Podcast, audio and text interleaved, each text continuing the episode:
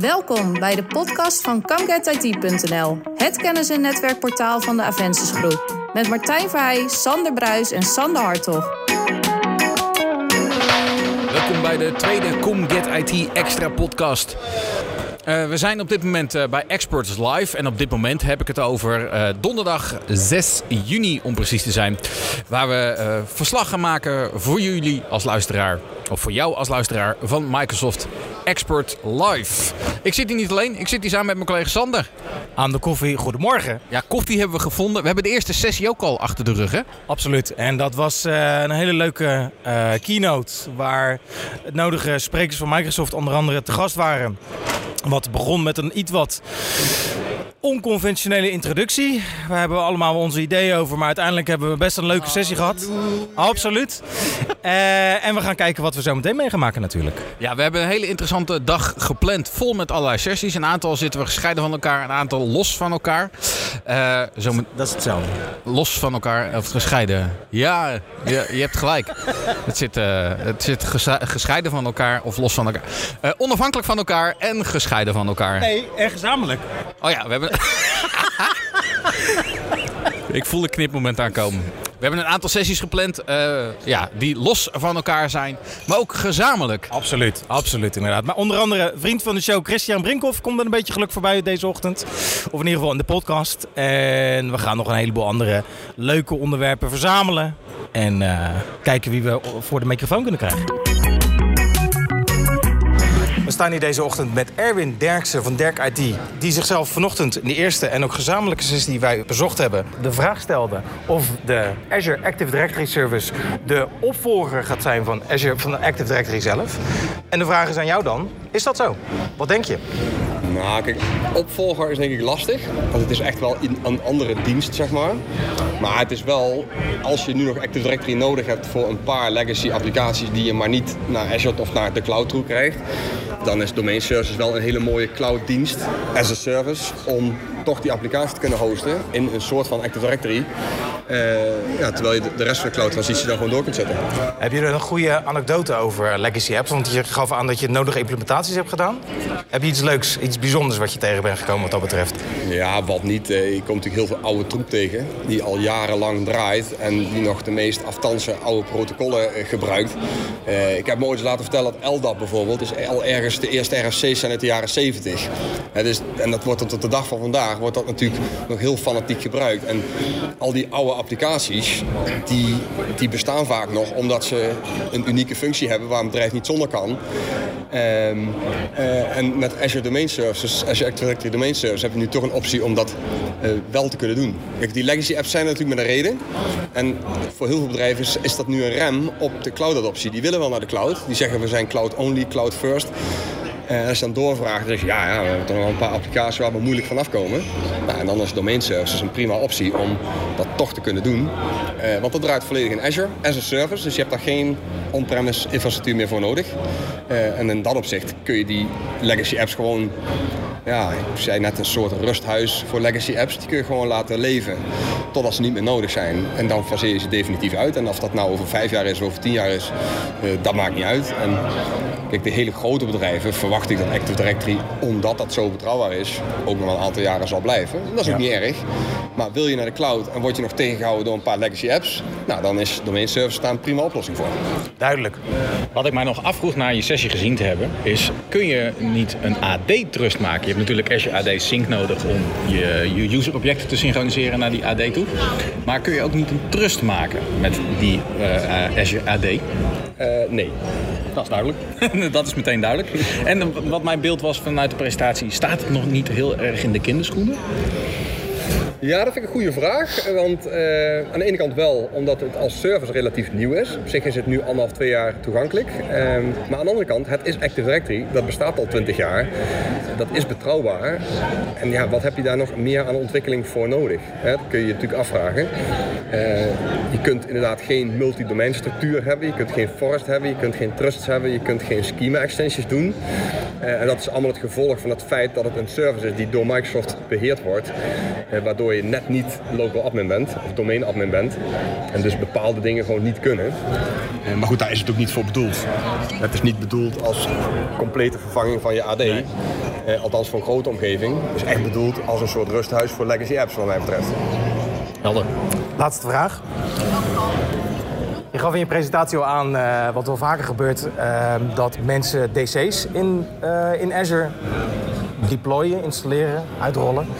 Heeft met deze oplossing Microsoft, wat ze in het verleden af en toe wel deden, niet gewoon de echte wereld gekopieerd? Nou, nee, want het- kijk, dit, is als, dit koop je als dienst. Dus je krijgt wat Microsoft. eh, je, krijgt wat, je koopt het als dienst. Dus je krijgt wat Microsoft aanbiedt. Je bent daar ook niet heel flexibel in. Je krijgt gewoon twee domain controllers in een enkele region eh, en that's it. Dus als je meer wil, of je hebt echt een schema extension nodig, of je hebt gewoon dingen nodig die niet in domain services kunnen, dan heb je natuurlijk nog steeds de optie om domain controllers zelf in te richten. Eh, alleen dit is natuurlijk bedacht om die beheerlast eh, van het hebben van domain controllers, om dat gewoon weg te halen. En gewoon een dienst, vast bedrag per maand, klaar. En dan hoef je dus verder niks meer te monitoren qua replicatie. Eh, nou ja, kun je niet leven met de limieten die domain services eh, op dit moment nog heeft, dan is het natuurlijk prima oplossing om zelf domain controllers in te richten. En ik, ik verwacht ook dat hele grote bedrijven met hele specifieke eisen dat sneller zullen gaan doen dan domain services in de eerste tijd. Maar je ziet het zelf niet. Je zou het zelf niet willen kwalificeren als beter goed gejat dan slecht bedacht. Nee, ik denk dat het gewoon een logisch gevolg is dat Microsoft heeft natuurlijk volledige focus op Azure. En eh, die kijken natuurlijk naar mijn idee, hè, dus mijn persoonlijke idee is dat zij kijken van wat houdt mensen tegen om naar Azure te gaan. En een van die dingen is legacy apps. Dus die, die, Microsoft luistert best wel naar klantenfeedback. En die, die weten best wel van ja, klanten zitten gewoon met bepaalde dingen waardoor ze niet naar de cloud kunnen. Eh, je ziet ook in Office 365 allerlei ergernisjes en dingen waar mensen tegenaan lopen. Dat wordt gemeld en op enig moment voert Microsoft verbeteringen door, zodat meer bedrijven die clouddiensten kunnen gaan gebruiken. Ja, want het doel van Microsoft is glashelder, is dat iedereen richting die cloud gaat. Dat is duidelijk, ja. Ja, Oké, nou, ik vond het in ieder geval een hele leuke presentatie. Ja, ik ik denk ook. dat ik dat voor Martijn inderdaad ook Nee, wil zeggen. helemaal eens. Helemaal Dus eens. ja, ik wil zeggen, want die vraag had ik nog. Wat vonden jullie van de sessie? Want dat is Heel erg natuurlijk, eh, leuk. Heel erg leuk. Ik heb Leuk. een goede rating Heel- gegeven. Dus, eh, En lekker op tijd klaar. en lekker Ja, dat, dat, is, dat vind ik belangrijk, want het is niks vervelender dan sprekers die uitlopen, vind ik zelf. Maar goed, Precies. Nou, dat is, be- eh, bedankt. En een fijne dag. hartstikke bedankt. Ja, En, waar eh, kunnen wij informatie over jou vinden? Misschien is dat ook wel even goed om te Ja, weten. waar kunnen we jou vinden? Nou, ik heb zo'n vermoeden dat als je mijn naam intypt gewoon in Google, dat je daar eh, het een en ander vindt aan sessies en, eh, eh, en dingen. Eh, ik moet zeggen, ik blog niet zo heel fanatiek, maar ik geef wel regelmatig presentaties en dat het belangrijk is om kennis te delen. Dus ik zou zeggen, joh, Google gewoon en dan, eh, dan vind je mij. Dankjewel. We zetten het anders wel in de show notes. Precies. Komt goed. We hebben zojuist de presentatie SmackDown Desktop as a Service. Onder andere gegeven door vriend van de show, kan ik inmiddels wel zeggen, Christian Brinkhoff en Ruben Spruit. We staan nu met Christian en Martijn. Wat vond jij ervan? Wat heb je te vragen? Ja, ik vond het een interessante sessie. Natuurlijk moet ik wel zeggen dat ik al wat sessies gezien heb. Onder andere van, eh, van Frame, vanuit Ruben. Maar ook eh, vanuit Christian, Windows Virtual Desktop. Maar Christian, waarom een Smackdown? Nou, wij willen eigenlijk met die SmackDown. En SmackDown klinkt misschien een beetje competitief, maar zo hebben we de sessie niet ingeschoten. We hebben echt SmackDown een beetje gebruikt om hem catchy te maken. Maar eh, we waren heel erg nou, universeel in de voor- en nadelen. En we willen eigenlijk iedereen gewoon ja, de voor- en nadelen bieden van, eh, ja, van een van de DAS-oplossingen die Azure ondersteunen. En ja, ik denk dat we dat gedaan hebben. Dus eh, ja, SmackDown was eigenlijk meer puur om de titel wat catchy te maken. Maar het heeft niks betrekking dat we bijvoorbeeld bepaalde oplossingen onderuit hebben gehaald. Zeker niet. ook niks met worstelen te maken, gelukkig. Nee, nee, nee, nee. Hoe, was het, eh, hoe was het voor jou of voor jullie om eh, die producten van andere vendoren te, te toetsen? En zeg maar de pro en cons, eh, die hebben jullie aangetoond. Maar ook van jullie eigen product. Hoe was dat vanuit een vendor perspectief? Want daar zijn jullie allebei werkzaam voor. Ja, precies. Nou, in principe is dat niet heel erg moeilijk om te doen. Want ik vind als je naar je eigen product dat je zelf vertegenwoordigd kijkt en daar ook de nadelen van weet, ja, dan weet je ook het beste hoe een klant uiteindelijk aansluit op jouw oplossing. Op, of hoe jij uiteindelijk jouw, jouw oplossing moet verbeteren richting bijvoorbeeld de productgroep. Om uiteindelijk die feature er wel in te krijgen. Dus nee, ik had daar nou, eigenlijk helemaal geen moeite mee. En omdat ik eigenlijk onderdeel ben van die verschillende vendoren van die community, eh, ja, maak ik eigenlijk al deel uit van al die verschillende producten. En weet ik overal wel een beetje de pros en cons van. Dus nee, het was, was eigenlijk niet echt een, nee, een issue. Eén ding wat me heel duidelijk werd in de sessie, en volgens mij is ook meer een beetje benadrukken, is de business case bepaalt de oplossing. Precies. Elke use case is anders. Uh, vanuit een uh, enterprise VDI, on-premises omgeving naar een cloud oplossing. Uh, ja, verandert de zaak. Jouw features zijn misschien niet meer belangrijk, of misschien wel. en dat baseert op, op die features gebaseerd, ja, maakt jouw, jouw use case jouw nieuwe oplossing, eigenlijk het nieuwe totaalplaatje. En dat kan zeker anders zijn als jouw huidige on-premises VDI enterprise omgeving bijvoorbeeld. Dus ja, dat is ook eigenlijk de insteek van deze sessie. Kijk naar de verschillende vendoren, kijk wat het beste past bij jouw use case en gebruik het beste product. Uh, waar ik nog uh, naar benieuwd ben, je haalde het net al even aan in jullie sessie. Is het nou het jaar van het VDI? Nou, ik, uh, ik denk dat het jaar van de VDI uh, niet gaat komen. Ik denk uh, nog steeds dat het jaar van de Digital Workspace volgend jaar en de jaren erop gaat, gaat zijn. Omdat ja, eigenlijk simpelweg één use case, één VDI primair ja, niet, niet heel erg belangrijk is. Het is meer het, het, het, palet van alle verschillende digitale werkplekken, Digital Workspace services, waaronder modern management, SaaS-applicaties, public cloud, alle, alle, alle facetten van de Digital Workspace. Dus voorlopig is het nog het jaar van de running gag. Uh, ja, als je het zo wil noemen, ja. De andere spreker, Ruben Spruit. Martijn. Ja, Ruben, hey, uh, leuk dat je bij ons ook in de podcast bent. Uh, Christian is inmiddels vriend van de show, dus we gaan je nog een keer uitnodigen om ook vriend van de show te worden. ik stelde net de vraag ook al aan Christian. Wordt het nou echt het jaar van het VDI? Het wordt het jaar van DAS, niet het jaar van VDI. Ik hoor dat er nog steeds wat, wat, ja, wat, wat bewegingen zijn. zeker, zeker, zeker. Is het Windows besturingssysteem nou echt een relevant besturingssysteem? Want dat toon je ook een beetje aan in de, in de sessie uh, zojuist. Nou, voor, heel, voor heel veel mensen is dat zeker relevant. Uh, want het draait uiteindelijk om de applicatie en uh, data met die applicatie. Dus de vraag is, welke applicaties heb je nu en in de toekomst? En dat is een combinatie van en Windows en SaaS, hè, software as a service en mobiel. En hè, Windows is zeker relevant voor, ja, voor eigenlijk elke midden tot grote organisatie nu en ook over vijf en misschien over tien jaar. Nou, wat ik wel interessant vond, er waren vanochtend een aantal sprekers van Microsoft zelf uit Amerika die heel hard uh, riepen dat uh, Windows of het, het client operating system niet meer relevant is of niet meer gaan worden. Dus daar ga je dan lijnrecht, lijnrecht tegen, uh, tegenin wat dat betreft. Ja, zeker. Dat mag, mag ook soms wel. Absoluut, maar op basis waarvan zeggen zij dat dan? Ja, dat is lastig te zeggen, want jij kan niet voor hun spreken. Maar waarom sta je er zo, zoveel je dat zelf kan, is het er zo lijnrecht tegenover dan? Nou, ik, als ik kijk gewoon naar de klanten, uh, midden, grote, hele grote klanten. Hun realiteit is dat zij met een, een, een, diversiteit van applicaties te maken hebben. Maar ze niet zo even met klik, klik, klik eh, vanaf uh, kunnen. Dus als ik naar die realiteit kijk, dan heb ik met een Windows OS te maken, omdat anders die applicaties niet werken. En voor wat ik wel wat ik zie, en misschien bedoelen ze dat en willen ze wat scherper maken, net zoals ik het nu even scherp maak. Dat de juiste beweging is naar software as a service, naar mobiel, naar web.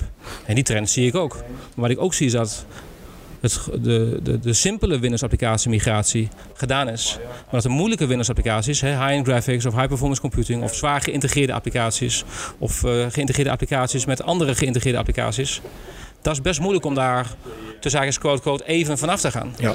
Dat zie ik niet zo snel gebeuren. En daarom is Windows relevant, daarom is VDI interessant, daarom is Desktop as a Service interessant, daarom is Rich Client interessant. Ja, en ik uh, wou het even laten. Ik heb nog één vraag voor jullie samen. Laatste vraag. Um, recentelijk is ook het Modern OS aangekondigd. Ik vroeg me af hoe gaat zich dat positioneren wat jullie betreft binnen het uh, Windows Virtual Desktop landschap? Nou, voor mij is een Modern OS is onderdeel van, van DAS. Dus het DAS is, een, is ook een, is een dienst. Maar in die dienst heb je ook een OS nodig om applicaties te kunnen draaien. Ja. En als het een Modern OS kan zijn... Graag. Maar irrelevant wat dat betreft wat het OS uiteindelijk is. Het kan gewoon gehost worden op het platform. Ja, dat is wat eigenlijk Windows 10 en Windows 10 Multi-User zijn moderne OS'en die ik gebruik om klassieke Windows-applicaties te draaien. En als ik nog klassiekere Windows-applicaties heb, kan ik misschien Windows 7 gebruiken of misschien Windows Server OS uh, uh, gebruiken. Precies, en als je dan die, weer naar die use case kijkt, van nou, wat is mijn use case nu, waar ga ik naartoe? Ja, gebruik bijvoorbeeld Windows Virtual Desktop een van de andere vendoren als Win32 applicatie voor te ja, publiceren of een remote app uh, oplossing. Uh, en gebruik hem voor die use case en gebruik daarnaast bijvoorbeeld een Modern OS voor jouw endpoints. Ja. Maak die use case passend voor jouw business case. Uh, en focus niet alleen op één oplossing bijvoorbeeld. Dat is denk ik hetgene wat, wat ik daar aan heb toe te lichten.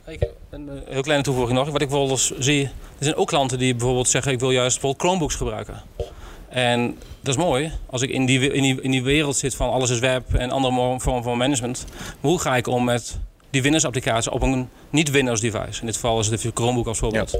En dat is waar VDI, Virtual Desktop Infrastructuur en Desktop as a Service met de leveranciers zoals we vandaag besproken hebben, een belangrijke rol in, uh, in, in, spelen. Ook om die klanten op die uh, journey te helpen. Nou, helder dan. De heren bedankt. En uh, tot de volgende podcast, zou ik maar zeggen. Dankjewel. Dat is goed. Hey, we staan inmiddels een beetje buiten af te koelen, want het is binnen wel redelijk aan de temperatuur. En uh, ik vind daar uh, ineens een oud collega. Dat is het leuke van dit soort evenementen. Hier komt ineens oud collega's tegen. Uh, mijn naamgenoot Martijn Beltman. Hallo, dag Martijn. Martijn, wat is jouw eerste indruk van het Expert Live? Ja, dat is mijn eerste keer hier. een goede indruk. Ik vind het leuk, interessant. Een aantal sessies bij, bijgewoond. Uh, ja, de focus ligt wel een beetje op Office 365, Intune en zo. Vind ik erg leuk, interessant. Dus uh, veel uh, nieuwe kennis opdoen en in de praktijk brengen is de bedoeling. Heb je al wat key takeaways meegenomen waarvan je zegt, van, nou daar kan ik echt wel wat mee? Ja, hybrid sorry, maar ja, hybrid uh, AD, join en dat soort zaken. Uh, uh, koppeling met uh, Server 2019 en Azure Files, Azure Sync, wat ja. heel interessant is. Ja. waar we ook zeker wat mee gaan doen. ja, dat is, de rest doen we veel mee al. we doen veel met Intune en Autopilot en dergelijke. Dus daar gaan we straks nog wat, wat nieuws over, bedenken, over lezen. En ehm, Even kijken, ze gaan nog uh, iets uitleggen over de modern workplace. Daar ben ik ook gewoon uh, heel, uh, heel benieuwd naar. Dat is de laatste sessie. En dan gaan we het zien. Ja. ja. Wat vond je van de, de, de openingssessie van vanochtend? De allereerste sessie om kwart voor acht? Nee, die om negen uur. De plenaire. Ja, vond ik persoonlijk niet de meest interessante. niet? Nee, okay. heel gek maar. nee, het was hoog halleluja gehalte. Ja, ja, precies. Nee, dat, was niet, uh, dat vond ik niet super interessant. Maar goed, uh, de rest uh, compenseert het wel. Dus, Precies. Dankjewel. Dankjewel. Dankjewel. Ja.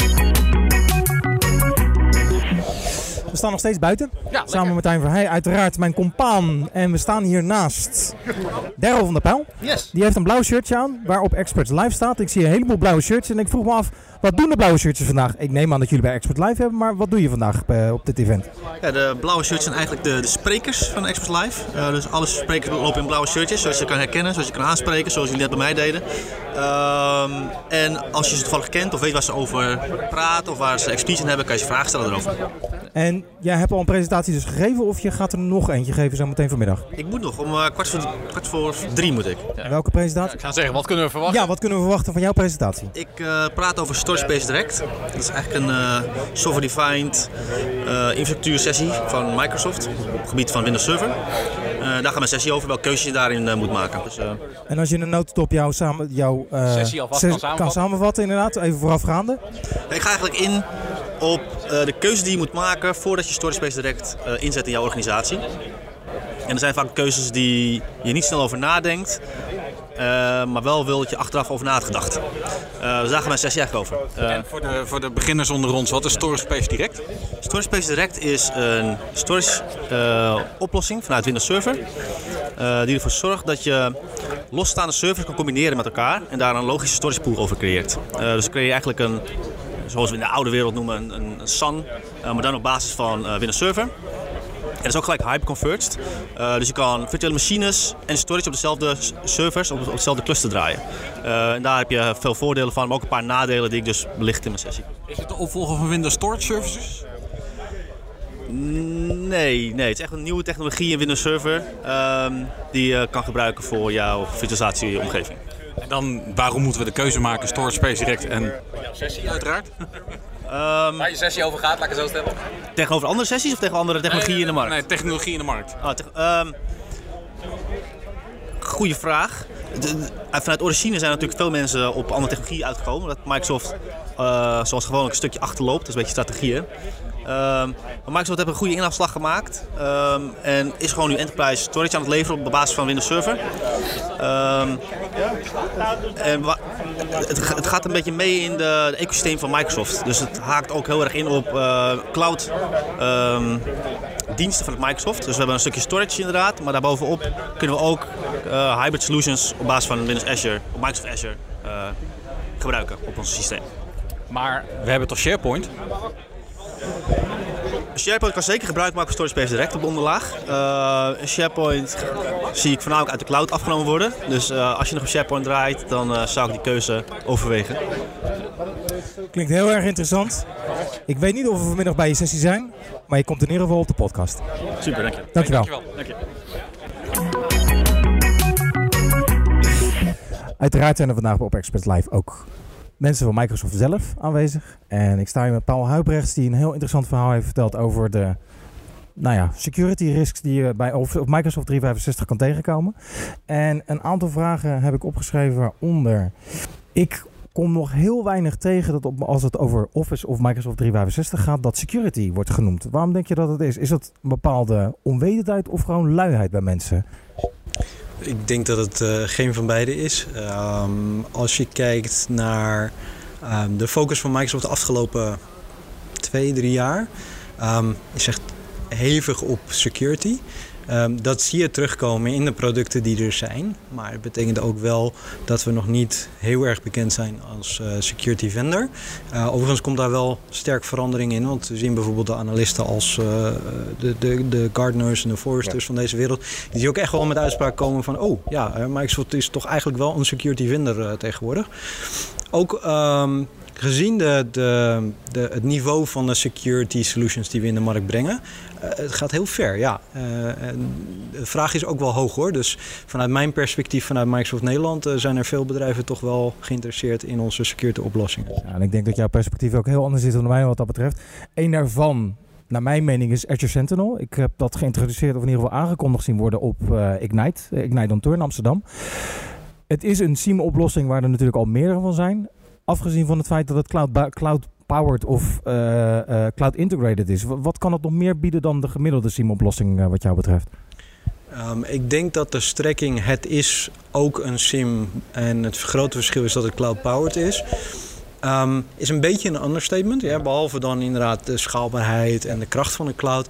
Um, is ook conceptueel uh, de hele SIEM-oplossing is eigenlijk opgebouwd uit elementen die er al waren in het platform. Uh, dat is een groot voordeel, ook vanwege de stabiliteit en schaalbaarheid, maar ook de uitbreidbaarheid. Um, en het concept is toch wel even iets anders. Hè? Waar je heel veel SIEMs vaak ziet, zoveel mogelijk data verzamelen en hopen dat je daar dan een analyse over kunt doen en daar wat uit kunt halen. Gaat het veel meer om het bundelen van signalen en uh, daar dus ook dingen als machine learning overheen kunnen doen. Dus er zit een behoorlijke efficiëntieslag uh, overheen al.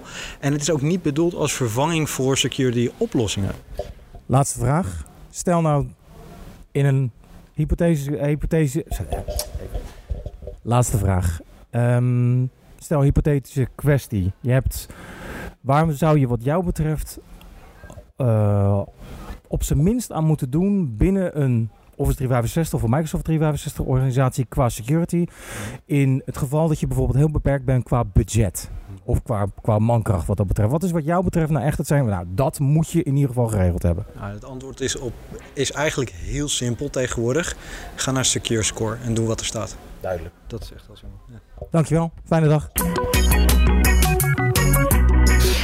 Uh, inmiddels uh, staat naast mij Maarten, uh, Maarten Ekels of Ekels? wat is het? Ekels, Maarten Ekels. Maarten Ekels. Maarten van, is werkzaam bij Protiva, zeg, als ik het goed zeg. Portiva. Portiva. Ja. En je hebt een sessie gegeven over de Microsoft Team Architecture, Architecture Deep Dive.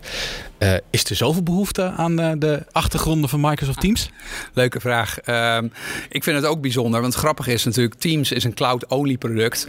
En waarom gaan we allemaal naar de cloud? Omdat we die infrastructuur erachter eigenlijk niet meer willen beheren. Hè? En toch is er gewoon, nou, je zag hoeveel mensen er dan toch in de zaal zitten. En er is toch wel behoefte aan hoe dan die architectuur in elkaar steekt. Ik denk dat mensen het wel fijn vinden om te weten waar hun data staat, waar het wordt opgeslagen.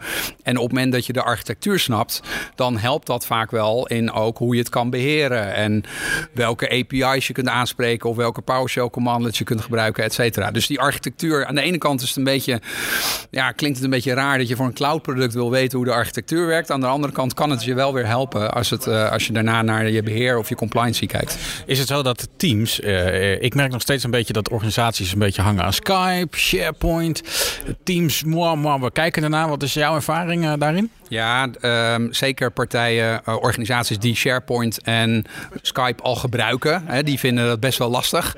Die weten ook wel hoeveel tijd en energie ze hebben moeten steken in de adoptie van SharePoint en van Skype. En dan komt er nu weer een nieuwe tool en Teams. En dan is Microsoft ze ook nog eens aan het pushen. Want Skype gaan we uitzetten binnenkort en we moeten naar Teams toe.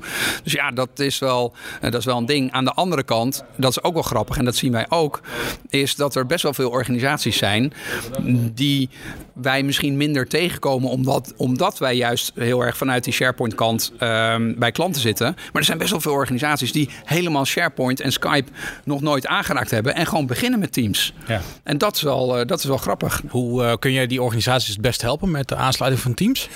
Ja, ik uh, sprak net iemand net na mijn sessie die uh, ook vroeg van ja, heb je misschien een template of waar met welke instellingen zou je beginnen? Ja, dat, dat heb ik niet. Maar wat wij wel altijd doen is beginnen met een soort workshop met zowel IT als mensen vanuit de business. Maar ja, welke instellingen wil je? Hoe wil je omgaan? Wil je, wil je bepaalde naamgeving gaan hanteren voor je teams? Wil je dat teams ook automatisch opgeruimd worden? Wat voor instellingen? Wat wil je toestaan? Wat wil je niet toestaan? Dat is wel heel goed om daar in ieder geval mee te beginnen. Dat je daar een soort van common ground hebt met z'n allen. En dan van daaruit doorpakken. Want het zijn niet echt de directe instellingen waar je over nadenkt. Iemand begint gewoon met de Teams uh, pagina op te zetten en let's go. Ja. Uh, maar je moet er dus wel degelijk als organisatie over nadenken. Ja, absoluut. absoluut. En dat, op het moment dat je er niet over nadenkt en je begint er daarna mee, ja, dan is het ook heel lastig om achteraf nog dingen te, recht te trekken en te corrigeren. Dus ik denk dat het heel verstandig is als je daar goed over nadenkt. Ja. Nou, ik moet zeggen, ik vond het een hele interessante sessie. Ik had er niet zo snel inderdaad bij nagedacht, maar uh, ik ga het zeker gebruiken. Dankjewel. Mooi, super. Dankjewel.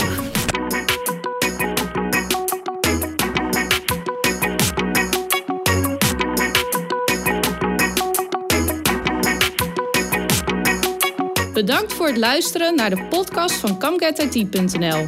Wil je meer weten? Heb je vragen, suggesties of opmerkingen?